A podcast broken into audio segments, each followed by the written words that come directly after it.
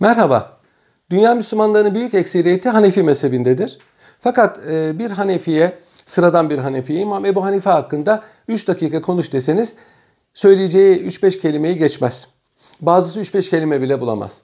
İmam Ebu Hanife e, dünya çapında bir alim, dünya çapında bir hukukçu ve dünya çapında bir kanaat önderidir. Milyarlarca, milyonlarca sözümü tasih ediyorum. Milyonlarca insan ki tarihten bu yana sayarsanız bu, bu meblağı siz tahayyül edin. İmam Ebu Hanife'yi büyük bilmiş ve onu takip etmiştir. Dinden onu anladık, onun anladıklarını hem dini hayatına hem hukuki hayatına tatbik etmiştir. Kimdir İmam Ebu Hanife? İmam Ebu Hanife İslamiyet'in ilk devrinde yetişmiş Selefi Salihinden sayılan bir İslam alemi, alimidir. Müçtehit bir alimdir. Yani Kur'an ve sünnetten hüküm çıkarabilen, dinin esaslarını hukukun esaslarını koyabilme salayetine sahip müştehitlerdendir. Ve kendine mahsus bir usulü olduğu için Hanefi mezhebi adında da bir mezhebin kurucusu olarak bilinir. Tabii kendisi çıkıp da ben bir mezhep kurdum dememiştir. Ama onun yapmış olduğu iştihatların hepsinin mecmuu Hanefi mezhebini teşkil eder. 300 bin kadar dini mesele çözülmüştür Hanefi mezhebinde. Bunun 83 bin kadarı İmam Ebu Hanife'ye geri kalanı talebelerine aittir. İmam Ebu Hanife aslen İranlıdır. Babası Sabit Müslümandır ve tabiindendir. İmam Ebu İmam Ali'nin talebesidir. Hatta onun e, İmam Ali Sabit'e dua etmişti. Kendisine pelte yapıp hediye etmiş. Faluzeç dua etmişti. İmam Ebu Hanife'nin dedesi Zuta Sasaniler zamanında e, Merzuban yani sınır valisiydi. İran'ın doğusunda. Asılları Nese kasabasındandır. Ve İmam Ebu Hanife'nin soyu büyük ihtimalle eski İran hükümdarlarına dayanmaktadır. Dedesi Müslüman olmuş İran'ın fethiyle. Tabiinden olmuş. Sahabe-i kiramla görüşmüş. Numan ismini almış. Zuta ismini, Numan ismini almış. Oğlu Sabit, Sabit'in oğlu Numan. Numan nimetlendirilmiş manasına gelen Arapça bir kelimedir. Aynı zamanda gelincik e, manasına da gelir. Numan bin Sabit İmam Ebu Hanife'nin ismidir. Niçin Ebu Hanife deniyor? Ebu babası demek Araplarda. Hanife, Hanife'nin babası değil. Bazıları, bazı muhalifleri kendisini bundan dolayı e, kınamışlardır. Ama aslında İmam Ebu Hanife'nin isminin Hanife'nin babası manasına gelmiyor. İki rivayet var bununla alakalı. Birincisi Hanife hokka kalem demektir. Divit. Eskiden vardı bizim çocukluğumuzda mürekkep, diviti ve kalem. Onu kuşağında taşırdı. Dökülmezdi bu. Bir şey duyduğu zaman yazardı. Bundan dolayı ona yani divitle gezen manasını Ebu Hanife denmiştir. Bir başka rivayete göre ise Hanife doğru yolda gidenlerin babası demektir. Bu daha mantıklıdır çünkü İmam Ebu Hanife'nin herkes bir mezhep kurucusu, bir fıkıh alim olarak bilir ama aslında İslam dinine çok büyük bir hizmeti olmuştur. Şöyle ki İslam dininin inanç esaslarını Kur'an ve sünnetten Hazreti Peygamber'in e, sahabesinin rivayetlerinden almış, stilize halde hülasa, özet bir şekilde bildirmiştir. Fıkıh Ekber diye bir kitabı var. Yani bir Müslüman nasıl inanır? Bunun hülasası, özetidir, kateşizmidir. Bu sebeple İslam dininin inançları tahrife uğramadan, dejenerasyona uğramadan, deformasyona uğramadan günümüze kadar intikal etmiştir. Hatta Seyil bin Abdullah Tüsteri Hazretleri diyor ki, Hristiyanlarda ve Yahudilerde İmam Ebu Hanife gibi birisi olsaydı Hristiyanlık ve Yahudilik sonradan e, dönüştüğü hale dönüşmezdi. Yani onlar da Hristiyanlığın ve Yahudiliğin inanç esaslarını zapt ederlerdi. Doğru bir şekilde sonraki nesillere intikal ederdi. Bu sebeple İmam Ebu Hanife'nin dünyadaki bütün Müslümanlarda Hanefi olsun olmasın çok büyük bir hakkı vardır. Neden? İslam dininin esasını, ehl sünnet itikadının esaslarını ilk defa yazılı hale getiren odur. Fıkı Ekber adında bir kitabı vardır. Bu kitabın el yazısı nüshaları var. Çok meşhur bir kitaptır. Şerhler yapılmıştır. İslam inancını anlatan bir kitaptır. Ben bunun orijinalini St. Petersburg'da Ermitaj Müzesi'nde gördüm. İmam Ebu Hanife'nin el yazısıyla olduğu rivayet ediliyor. Numan bin Sabit Küfe'de doğmuştur. Küfe Irak'ın bir şehri. Günümüzde çok e, parlak bir şehir değil. Yani eski hayatiyetini, parlaklığını kaybetmiş. Fakat Hazreti Ali'nin baş şehridir. Ve ondan sonra da Küfe her zaman bir ilim şehri olarak öne çıkmıştır. Basra gibi, Şam gibi bir şehirdir. O zaman Bağdat yok. Bağdat sonradan kurulmuştur. İmam Ebu Hanife doğduğunda Bağdat yoktu. 80 senesinde dünyaya geldi. Bu 80 senesi Hicri 80 senesidir. 799 miladiye takriben tekabül etmektedir. Ee, babası tüccardı. Varlıklı bir ailenin çocuğuydu. Kendisi de ticaretle meşgul olmuş. Hiç resmi vazife almamıştır. Memuriyet almamıştır. Kendi e, servetiyle geçinmiştir. Ticaret yapardı. Kumaş ticareti yapardı. Bunun dışında e, şehir dışından veya memleket dışından mal getirip bunları satardı. Mesela şeker kamışı getirir bunu satardı. Adamları vardı müdarebe yoluyla. E, kendisi hem ilimle meşgul olurdu hem ticaretle meşgul olurdu. İmam Ebu Hanife ilme meraklı bir ortamda büyüdü ve o zamanlar kelami münakaşalar çok revaçtaydı ve kelam ilmine merak sardı. Zamanın meşhur kelam alimlerinden okudu. Sahabeleri gördü. Bir rivayette 7, bir rivayette 4, bir rivayette 16 sahabiyi görmüştür. Bunlardan e, 4 tanesini gördüğünde ittifak vardır.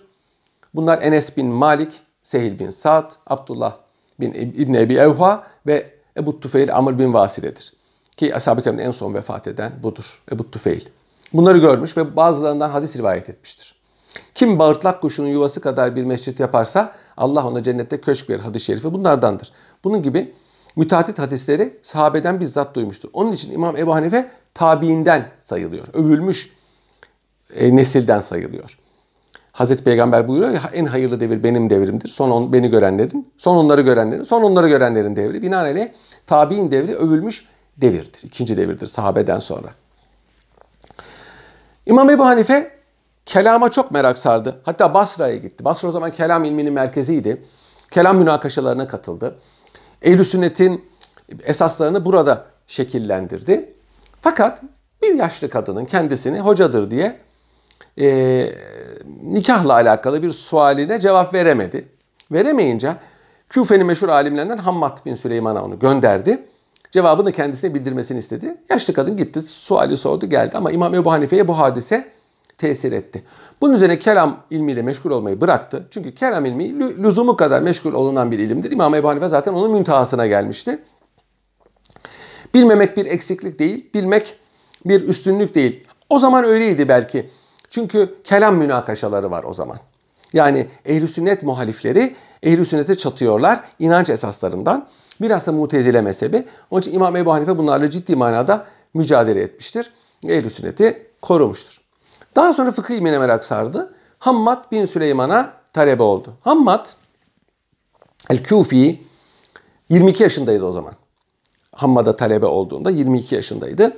O da tabiindendir. İbrahim en-Nehai'nin talebesi Hammad. İbrahim en-Nehai İmam Ebu Hanife de gördü. Alkama bin Kays'ın talebesidir. O da Abdullah bin Mesud'un talebesidir. Abdullah bin Mesud sahabe-i kiramdandır. Demek ki İmam Ebu Hanife'nin silsilesi Hammad, İbrahim, Alkama yoluyla Abdullah bin Mesud'a oradan da peygambere varıyor. İslam dininde sözün hüccet olması için bir kimsenin hocalarının silsilesinin Hazreti Peygamber'e kadar ulaşması lazımdır. İşte silsile böyle ulaşıyor. İmam Ebu Hanife'de de hocalarının ve Abdullah bin Mesud'un temayülü e, tezahür etmiştir. Hammad vefat edince Ebu Hanife 40 yaşındaydı. Hammad'ın talebeleri Ebu Hanife'yi Hammad'ın kürsüsüne oturttular. O zamana kadar hocasına edeben ders vermedi. O kadar edepliydi ki İmam Ebu Hanife hocasının evinin bulunduğu sokağa ayağını uzatmazdı.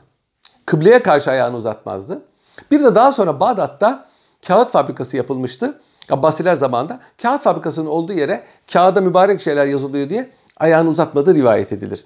Edepte çok üstün bir mertebede olduğunu biliyoruz İmam Ebu Hanife'nin. Buna dair çok hakkında menkıbeler vardır. Züht ve takva sahibiydi bir kere. Yani bir fıkıh alimiydi ama e, dini hayatta asla tavizi yoktu. Helal yerdi. Asla harama tevessül etmezdi. Hatta e, dükkandaki tezgahtarı bir kumaş satarken kumaşı onda olmayan vasıflarla met etti. Bu bir cennet kumaşıdır. Allah bana da nasip etsin deyince o kumaşı atmaktan vazgeçti. Talebelerinden bir tanesi e, da özür dilerim ortaklarından bir tanesi şeker kamışı getirmişti. Fırtına sebebiyle gemi biraz gecikti. Gecikince şeker kamışı fiyatları arttı ve bunu satıp çok kar etti. İmam Ebu Hanife'ye bunu müjdelediği zaman İmam Ebu Hanife çok üzüldü. Müslümanların sıkıntısından sebeplenmek bize yakışmaz dedi ve bütün kazancını sadaka verdi. Küfe ile Basra'nın koyunları karışmıştı. İmam Ebu Hanife 7 yıl ne Küfe'de ne Basra'da koyun eti yemedi. Çünkü koyun en fazla 7 yıl yaşar. Ola ki o koyun Basra'ya gitmiştir, o koyun Küfe'ye gitmiştir. Tabi bu anlattıklarım İmam Ebu Hanife gibi yüksek şahsiyetlerin işidir. Bizim gibi insanlar bu gibi hallere kalkışsa gülünç olurlar. Yani tevekkülün, takvanın da dereceleri vardır. İnsanlara göre değişir. O İmam Ebu Hanife'nin haline göre idi. İmam Ebu Hanife 40 yaşından sonra talebe yetiştirmeye başladı. Küfe Mescidinde daha sonra Bağdat'ta e, talebe yetiştirdi. Ta, e, derslerine bala üşüşen arılar gibi yüzlerce talebe geldi. Memleketin her tarafından. Bu talebeler İmam Ebu Hanife'den ders dinlediler, hadis-i şerif dinlediler. Kelamda, fıkıhta, hadiste, tefsirde zamanın en büyük alimleri yetişti. İmam Ebu Hanife'nin bu mesaisi, o zaman şimdiki mektepler yok, bir fıkıh akademisi, bir hukuk akademisidir. Yani İmam Ebu Hanife'nin yaptığı bir hukuk fakültesi hocalığıdır. Mescitte bir mevzuyu ortaya atar, talebelerin hepsinin fikrini sorar. Hepsi delilli olarak o meseleye bir cevap verir.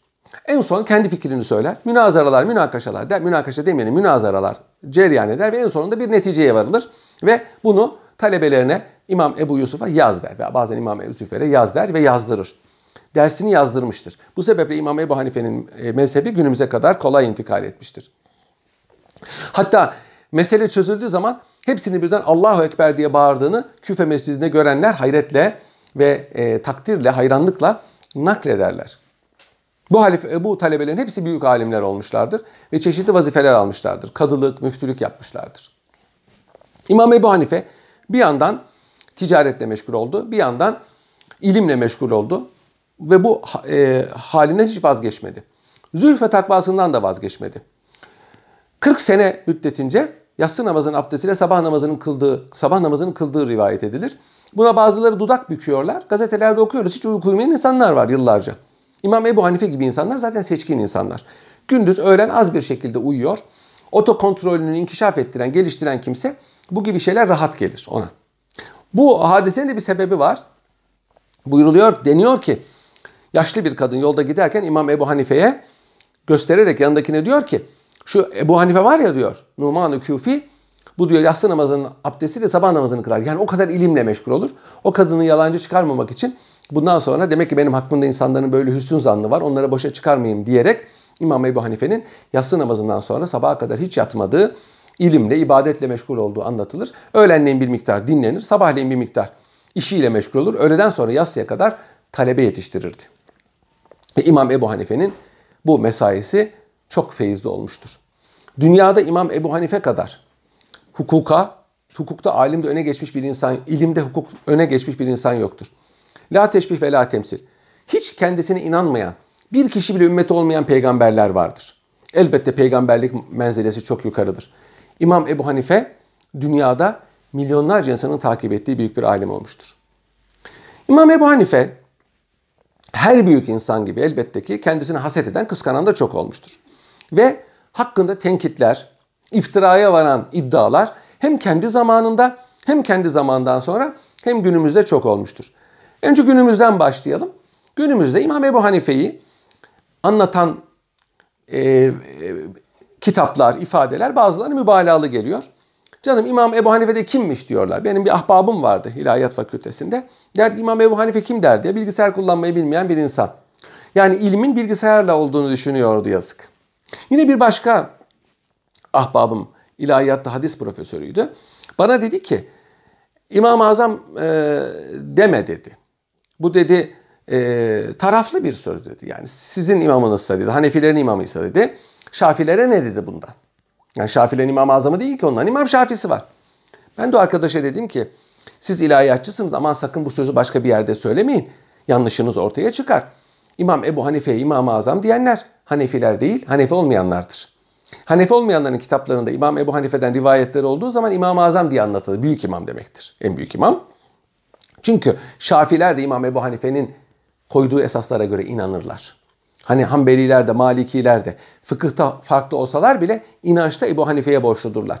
Hatta İmam Şafii demiştir ki bütün alimler, fıkıh alimleri İmam Ebu Hanife'nin nevareciğinidir. Yani onun çoluk çocuğu gibidir. Onun getirdikleriyle geçinirler. İmam Ebu Hanife'nin talebesi İmam Muhammed, İmam Muhammed'in talebesi İmam Şafii'dir. İmam Malik, İmam Ebu Hanife'den rivayetleri var. Dolayısıyla talebesidir. Ahmet bin Hanbel İmam Şafii'nin talebesidir. Binaenaleyh İmam Muhammed İmam Şafii'nin hocasıdır. Binaenaleyh e, bu alimler arasında zaten bir irtibat vardır ve bunlar birbirlerini sever, sayar, hürmet ederler. İmam Ebu Hanife'nin zamanında kendisini kıyasa çok müracaat etmek, hadis-i şerifleri itibar etmemekle itham ettiler. Hatta bu ithamcılar 12 imamdan meşhur Muhammed Bakır'ı da tahrik ettiler. Muhammed Bakır sözünü sakınmayan bir insandı. Ebu Hanife'nin de çok sevdiği bir insandı. Ona senin için benim dedemin şeriatını değiştirmeye çalışıyor. Hadis-i şeriflere itibar etmiyor, kıyas yapıyor diyorlar. Ne dersin diye sordular. O da ona bir takım misaller vererek dedi ki efendim bakın ben burada kıyasa aykırı olduğu halde mesela ayağın altı mı pislenir üstü mü pislenir? Muhammed Bakır dedi ki tabii ki altı pislenir. Fakat sünnette mestin üstünün mesedilmesi var. Eğer ben aklıma uysaydım altını mesedin derdim. Ama sünnet üstünü mesettiği için üstünü mesediyorum demiştir. Ve Muhammed Bakır sen benim dedemin dinini parlatacaksın ve yaşatacaksın diyerek ona dua etmiştir. Hadis-i şerifte buyruluyor ki iman Süreyya yıldızına gitse yani yedi kandilli Süreyya yıldızına gitse Fars oğullarından birisi onu alır getirir. Mesela İmam Şahrani, İmam Suyuti diyor ki bu hadisi şerif İmam Ebu Hanife'ye haber veriyor. Çünkü Fars oğullarından onun kadar İslam inancına hizmet eden bir insan olmamıştır. 150 sene sonra dünyanın ziyneti gider hadis-i şerif. Hakikaten hicretten 150 sene sonra vefat etmiştir İmam Ebu Hanife. İmam Ebu Hanife hakkında başka hadisler de vardır ama bunlar bazılarının taassupları sebebiyle kabul edilmiyor. İmam Ebu Hanife'nin bu alakasını görenler onu tenkit ettiler. Kıskandılar. Bir grup ise İmam Ebu Hanife hakkında kafi malumata sahip değildi. Mesela İmam Malik bunlardan birisidir. Başlarda İmam Ebu Hanife hakkında fazla malumatı yoktu. Onun için onun aleyhinde bazı e, fikirleri vardı. Fakat kendisini tanıyınca onun hakkındaki bu fikirlerini tamamen değiştirdi ve İmam Ebu Hanife'nin büyüklüğünü, üstünlüğünü teyit etti. İmam Ebu Hanife'nin zamanında olanlardan da bazıları İmam Ebu Hanife'yi tanımadıkları için, onun hakkında kafi malumat sahibi olmadıkları için onu ona haset edenlerin sözlerine inanarak, aldanarak çünkü o zamanki insanlar saftır, temizdir. Birinin yalan söyleyeceğine, bir Müslüman iftira edeceğine ihtimal vermezler. İmam Ebu Hanife hakkında yanlış fikirlere kapılmışlardır. Tanıdıkça bu fikirlerinden vazgeçmişlerdir. Bunlardan biri İmam Malik'tir. İmam Malik evvelden İmam Ebu Hanife'yi görmeden, o çünkü Medine'de yaşıyor, İmam Ebu Hanife Küfe'de menfi kanaate sahipti. Daha sonra tanıdıkça onun talebesi oldu, ondan rivayetlerde bulundu. Onun hakkındaki fikri değişti. İmam Ebu Hanife'ye getirilen tenkitlerin bir tanesi dediğim gibi hadis-i şeriflere itibar etmiyor, kıyasa müracaat ediyor. İmam Ebu Hanife'nin usulü şudur. Önüne bir mesele geldiği zaman Kur'an-ı Kerim'e bakar. Kur'an-ı Kerim'de bu meselenin hallini, çözümünü arar. Bulursa mesele yok. Zaten iştihadını ona göre yapar. Bulamazsa hadis-i şeriflere bakar. Hadis-i şeriflerde ince eller sık dokur. Çünkü o zaman Irak siyasi karışıklıklar sebebiyle çok hadis uydurulan bir yerdi. Onun için hadislere karşı dikkatli olurdu. Ha sonra bu kalmadı. Yani sonradan artık hadis uydurma falan kalmadı ama o zaman vardı. Hadis-i şerifler eğer bir kişinin rivayet ettiği bir hadisse bunu kabul ediyor ama farz veya harama delil almıyor. Mesela la nikahe illa bil veli. Velisiz nikah olmaz. Bu bir hadistir. Bunu kabul ediyor. Fakat diyor ki bir kadın hür iradesiyle evlenebilir. Velisinin e, bulunmasına gerek yok. Yani hadis-i şerif böyle diyor. O tavsiyedir diyor. Çünkü bu kadar mühim bir hadis. Bir kıyasa aykırı. Kadın mal alıyor, satıyor, kiraya veriyor fakat evlenemiyor. Bu olacak iş değil. İki, hadis-i şerifi rivayet eden Hazreti Ayşe velisiz bir nikahta bulunmuş ve itiraz etmemiş. Eğer caiz olmasa itiraz ederdi diyor. Mesela böyle bir usulü var. Bunu tabi herkes anlayamıyor. Hazreti e, şey, İmam Ebu Hanife'yi hadis-i şeriflere karşıymış gibi zannediyorlar. Halbuki öyle değil. Tam tersine Allah'tan çok korktuğu için e, dinde olmayan bir şeyi dindeymiş gibi hükmetmekten çok çekindiği için bu hassasiyeti göstermiştir. Hatta mesela onun mezhebinde vacip diye bir müessese vardır. Bir şeye farz demekten o kadar korkuyor ki çünkü Allah adına emirdir bu. Farzla sünnet arasında vacip diye bir e, e, efali mükellefin vardır onda. Vacip. Yani yapılması şarttır ama farz derecesinde değil. İşte bitir namazı gibi, kurban kesmek gibi. Fıtır sadakası gibi. Sünnette bulup da çözerse mesele yok. Mesela e, mürsel hadisler vardır. E, sahabeden e, gelir ama ilk ravinin ismi geçmez. Onları kabul ediyor çünkü kendisi sahabeleri görmüş. Sonra Eshab-ı Kiram'ın icmalarına bakıyor, ittifaklarına. Eshab-ı Kiram bir şeyde icma etmişse onu kabul ediyor. Ondan sonra icma yoksa Eshab-ı Kiram'ın görüşlerini araştırıyor. Bunlardan bir tanesini seçiyor. Ona göre iştahat yapıyor. Eshab-ı Kiram'ın iştahatı diyorsa ondan sonra kıyasa varıyor. Yani e, tan, onun hakkında menfi kanaati olanlar hiç tanımamışlar. Bu usulünü hiç bilmiyorlar. İmam Ebu Hanife'nin. Bu da normal. O zamanki haberleşme imkanlarında bu kadar haberdar olmuşlardır. İmam Ebu Hanife hakkındaki tenkitlerden bir tanesi de siyasi duruşudur. İmam Ebu Hanife hakkında bilhassa Şii kaynaklarında e, Ehl-i Beyt'e e, Hazreti Ali'nin soyundan gelen bazı siyasi e, hareketlerin içinde olduğu Emevi ve Abbasilere karşı mukavemet gösterdiği, duruş sergilediği söyleniyor. Ve İmam Ebu Hanife sanki bir siyaset adamıymış gibi, bir siyaset önderiymiş gibi lanse ediliyor. Bunların hiçbirisi doğru değildir. Hadisenin aslı şöyle. İmam Ebu Hanife Emeviler zamanında yaşadı. Ömrünün büyük ekseriyetini Emeviler zamanında geçirdi. Emeviler kimseye karışmazlardı. Politikalarına, siyasetlerine ilişilmediği müddetçe e, saltanatları tehdit edilmediği müddetçe kimseye karışmazlardı ve Emeviler ehli sünnet idiler ve ehli sünnet ulemaya ihtiram ederlerdi. Emevilerin Küfe valisi Yezid bin Hubeyre İmam Ebu Hanife'ye kadılık teklif etti. Çünkü İmam Ebu Hanife zamanın kadılarının vermiş olduğu hükümleri kritik eder ve bunlar bunlar arasında yanlış buldukları varsa ilan ederdi. O zaman gel sen yap dediler. İmam Ebu Hanife kabul etmedi. Dedi ki kadılık mesuliyetli bir iştir. Ben bu mesuliyete giremem. Kabul etmiyorum dedi. Onlar bunu e, kendilerine karşı bir tavır olarak anladılar ve İmam Ebu Hanife'yi sıkıştırdılar. Bunun üzerine İmam Ebu Hanife dedi ki ben dedi hacca gideceğim. Orada danışayım e, eşime dostuma. Ondan sonra dönüşte size cevabımı veririm. Kabul ettiler.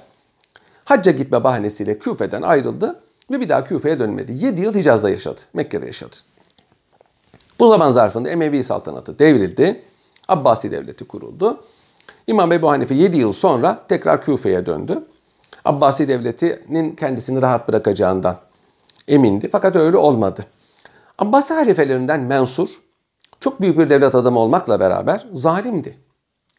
İmam Ebu Hanife hakkında dediler ki bu Ehl-i Beyt imamlarına yardım ediyor. Hasetçileri çok dedim ya. Yani siyasi e, hareketlere yardım ediyor. Halbuki öyle bir şey yok.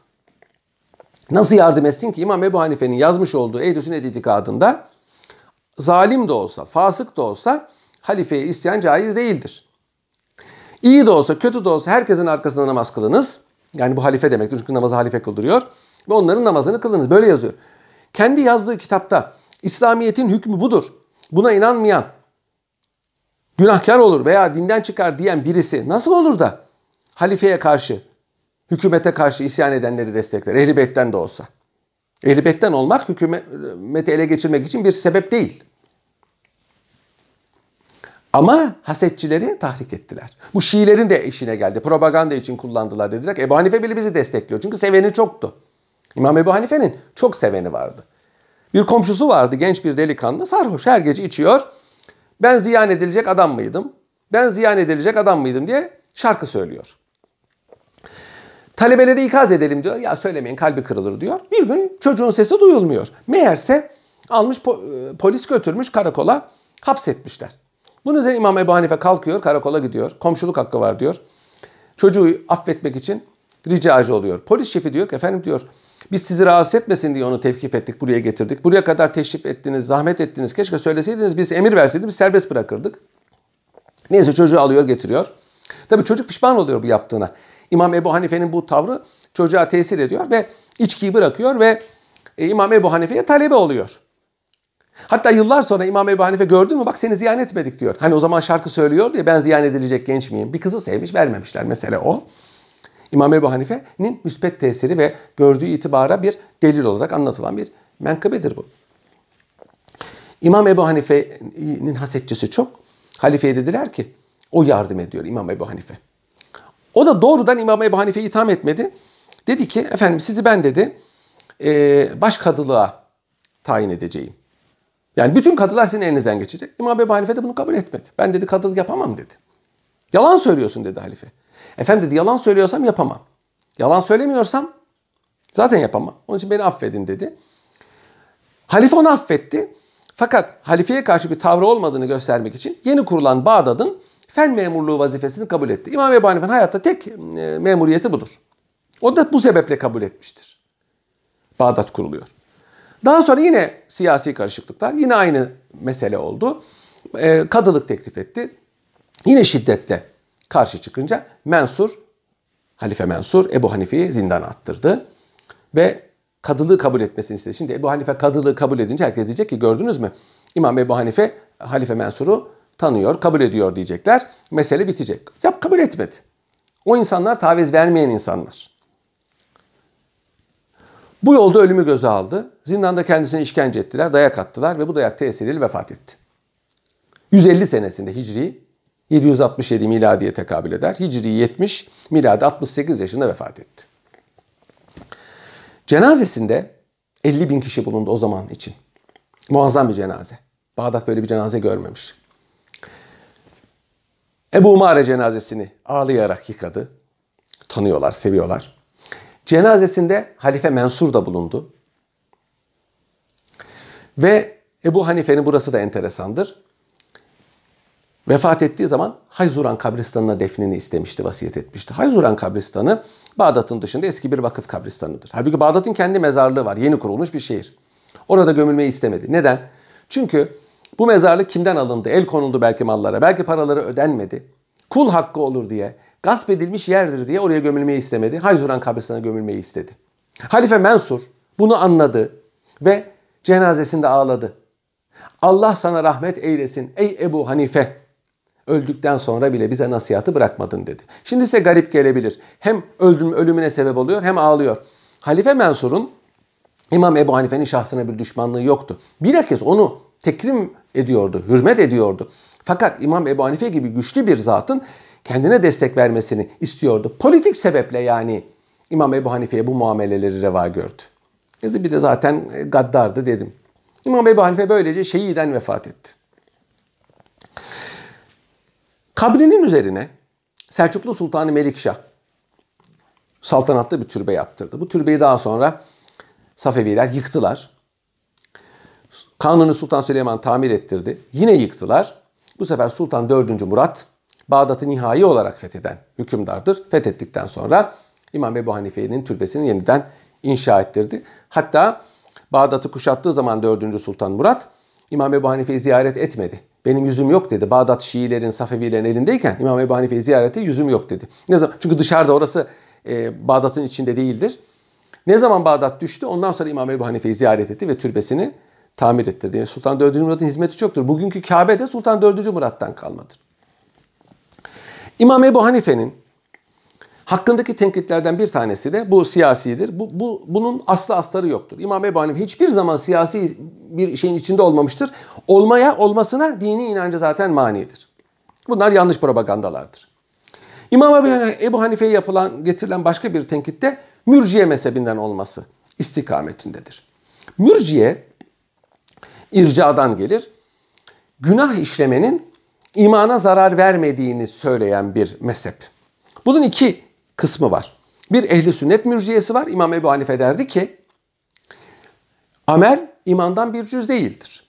Yani bir insan imanı varsa günah işlemekle mümin olmaktan çıkmaz. Şarap içse, zina etse, kumar oynasa veya namaz kılmasa, oruç tutmasa bunların farziyetini veya hürmetini inkar etmiyorsa o kişi mümindir. Günahkar bir mümindir. Nitekim bunlar Kur'an-ı Kerim'den ayetler, hadis-i şerifler de delil olarak gösteriyordu. Bir de ehl sünnet dışı mürciye vardır. Onlar iman yeter, amele gerek yok. İstediğin günah işte. Hiçbir farzı yapmana gerek yok. İmanın varsa tamamdır diyenler. Bunu birbirine karıştırmamak lazım. İmam Ebu Hanife mürciyedir ama ehl sünnet mürciyesidir. Bütün ehl sünnet zaten böyle inanmakla mükelleftir. Bunu da yanlış anlıyorlar. Gelelim İmam Buhari ve bazılarının Cüveyni gibi, Razi gibi bazılarının bazı Şafii alimlerinin İmam Ebu Hanife'ye tenkitlerine. Bilhassa İmam Buhari'nin İmam Ebu Hanife hakkındaki bazı tenkitleri çok dillendirilir. Çok dillendirilir ve e, bir takım yanlış anlamalara sebebiyet verir. Bir kere İmam Buhari İmam Ebu Hanife'yi görmedi. Ondan az sonra yaşadı. Kendisi bir hadis alimidir. Buhara'da yaşamış. Şafii mezhebindedir. Evet İmam Buhari'nin kitabında İmam Ebu Hanife'nin tenkit edildiği hususlar var. Bu tenkitlerin bir kısmı ulema arasında normal karşılanabilecek tenkitlerdir. ilmi tenkitlerdir. Hoş görülebilir ve e, cerh de edilebilir. Ancak işin aslını incelemek lazım. Bir kere İmam Buhari'nin sahihinde yani en kıymetli hadis kitaplarından biridir. İmam Ebu Hanife hakkında ne rivayet vardır ne tenkit vardır. İmam Buhari'nin başka kitapları var. O kitaplarda İmam Ebu Hanife'den bahsediliyor. Ve tenkitler naklediliyor. Mesela Duafa diye bir kitabı var. Zayıf rivayetler diye. İmam Buhari duyduğu her şeyi oraya almış. İmam Ebu Hanife hakkındaki tenkitleri de almış. Fakat bunlara bir izah getirmediği için zannediliyor ki sanki İmam Ebu Buhari bunları destekliyor. İmam e, Buhari İmam e, Ebu Hanife için mürciye rivayetini alıyor ama başka mürciyelerden kendisi rivayetlerde bulunuyor. Onun için İmam Buhari'nin İmam Ebu Hanife'nin şahsına bir tenkiti yoktur. Onun hakkındaki tenkitleri almıştır ki bu tenkitler de zaten kabule şayan değildir. Bir kere bunu iyi bilmek lazımdır. Aynı şey Razi ve Cüveyni için de söylenebilir. Razi ve Cüveyni'nin ha bir de Buhari'den, Razi'den ve Cüveyni'den İmam Ebu Hanife aleyhinde gelen sözler ne derece doğru? Ne kadar onlardan geliyor? Bu da bir kere e, söz götürür. Çünkü e, büyük şahsiyetlere düşman olanlar düşmanlıklarını bizzat değil bil vasıta yaparlar. Bir büyük zattan e, geliyormuş gibi yaparlar inandırıcı olsun diye. Bunun, bunun da e, altını çizmek lazımdır. İmam Şahrani bunun cevabını veriyor. Razi diyor Ebu Hanife'nin ayaklarını su dökebilecek birisi değildir. Ne Buhari ne Cüveyni ne Fahrettin Razi İmam Ebu Hanife ayarında alimler değildir. İmam onlar yıldız ise İmam Ebu Hanife güneştir. Bir kere onlar İmam Ebu Hanife'yi tenkit edemezler. İmam Ebu Hanife'ye getirilen bir başka tenkit hadis bilgisinin zayıflığıdır. Bu söze şaşılsa yeridir. Bir mezhep kurmuş, yüz binlerce meseleyi cevaplandırmış bir e, alimin tefsir ve hadis bilmemesi olacak bir şey midir? Ameş adında bir hadis alimi vardır. İmam Ebu Hanife'nin kendisinden rivayetlerde bulunduğu. Ameş bir sual soruyor İmam Ebu Hanife'ye. O da cevap veriyor. Bunu neye dayandırdın diyor. İmam Ebu Hanife de hadisi söylüyor. Dayandırdı hadis-i şerifi. Bunu kimden dinledin diyor. Sizden dinledim diyor. Bunun üzerine Ameş diyor ki biz hadis alimleri eczacı gibiyiz. Siz fıkıh alimleri tabip gibisiniz. Tabip olmadan eczacının ilacı bir işe yaramaz. İmam Ebu Hanife aynı zamanda bir hadis alimidir. Binlerce hadis rivayet etmiştir. 300'ü tabiinden olmak üzere 4000 kişiden hadis almıştır. 7 tane müsnet var onun hadislerinin rivayet edildiği toplanmış. Bunlardan bir tanesi bende vardı ama şu anda kütüphaneme ulaşamadığım için size gösteremiyorum. İmam Ebu Hanife hadis-i şerif rivayet etmiştir. Ancak iş bölümü yapmıştır. Zamanın ihtiyaçlarına göre hareket etmiştir. Hadis-i şerif rivayeti o zaman lazım değildi. Kelamla meşgul olmuş. İslam inancını doğru bir şekilde toplamış. Arkasına bakmış ki insanların fıkıh ilmine ihtiyacı var. Fıkıhla meşgul olmuştur. Fıkıh alimleri hadis alimlerinden çok daha yukarıdır. Evet hadis ilmi fıkıhtan yukarıdır ama hadis alimleri fıkıh alimlerinden de tefsir alimlerinden de yukarıdır. Çünkü tefsir alim olmak için fıkıh alim olmak belki aranmaz ama veya hadis alim olmak için fıkıh alim olmak aranmaz ama fıkıh alim olmak için hem müfessir hem mütekellim hem muhaddis olmak icap eder. Yani kelam, fıkıh ve tefsir alim olmak icap eder. Vaktiyle bir ilahiyatçı demişti. İmam Ebu Hanife dediğiniz kim oluyor? Yedi tane hadisten başka hadis bilmezdi. Yedi hadis dedi, yedi müsnet. Müsnet bazen ravileriyle beraber bir hadise verilen isimdir. Bu adamcağız öyle zannetmişti. Ama aynı zamanda müsnet hadis kitabı demektir. İmam, İmam Ebu Hanife'nin yedi tane müsnet kitabı vardır. Günümüze intikal etmiştir bunlar. Onun için İmam Ebu Hanife'yi hadis ilminden e, habersizdi demek şaşılacak bir iştir. Bazı hadis-i şerifleri duymamış olabilir. Zaman ve mekan itibariyle duymamış olabilir. Ama ne dedi o zaman?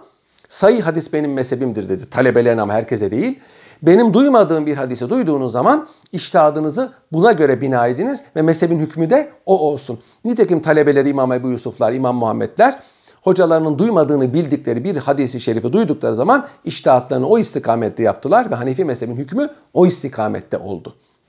Bunu da gene kendisi koymuştur. İmam Ebu Hanife'nin e, yolunda, Hanefi mezhebinde çok sayıda hadis alimi yetişmiştir.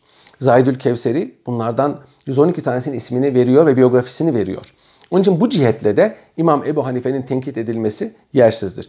Demek ki İmam Ebu Hanife'nin mürci olarak tenkit edilmiş, yersiz söyledik. Hadis-i şerif bilmemekle itham edilmiş, bunun yersiz olduğunu söyledik. Siyasi hadiselere karışmakla itham edilmiş, bunun sebebini söyledik.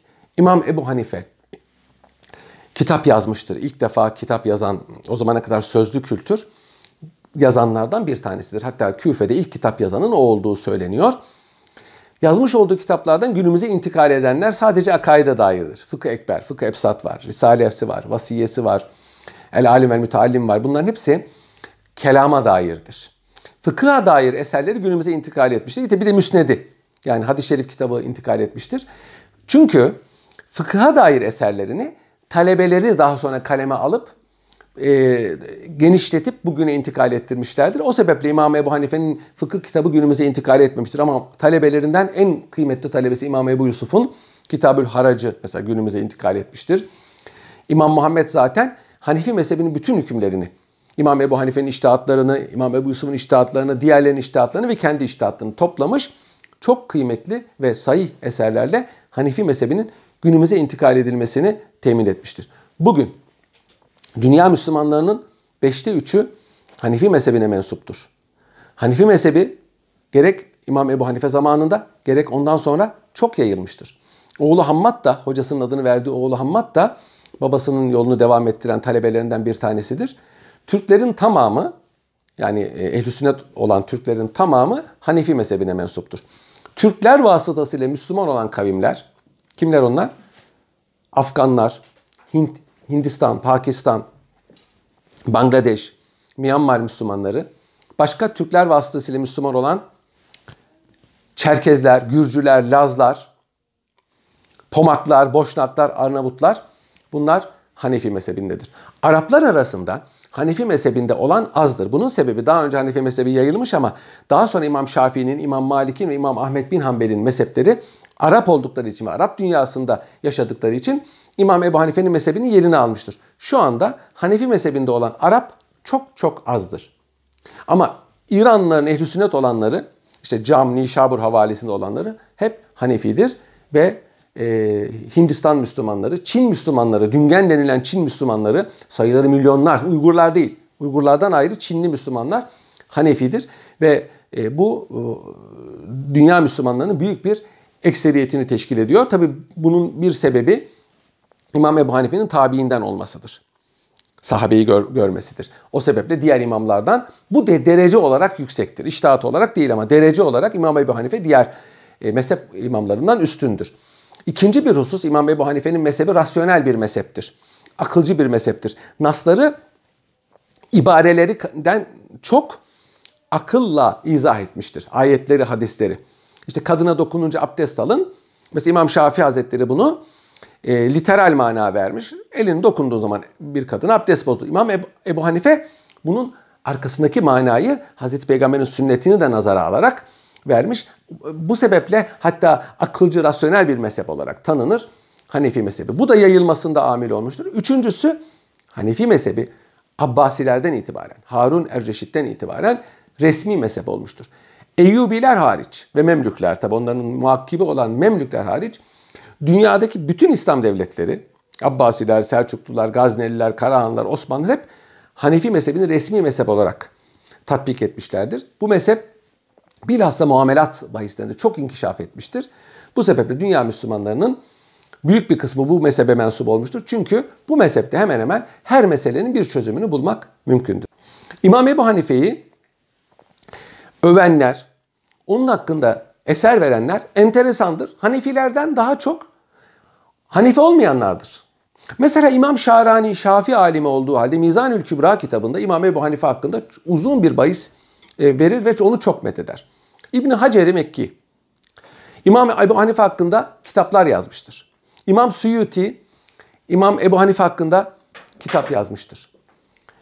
E, bunlar çok kıymetli kitaplardır.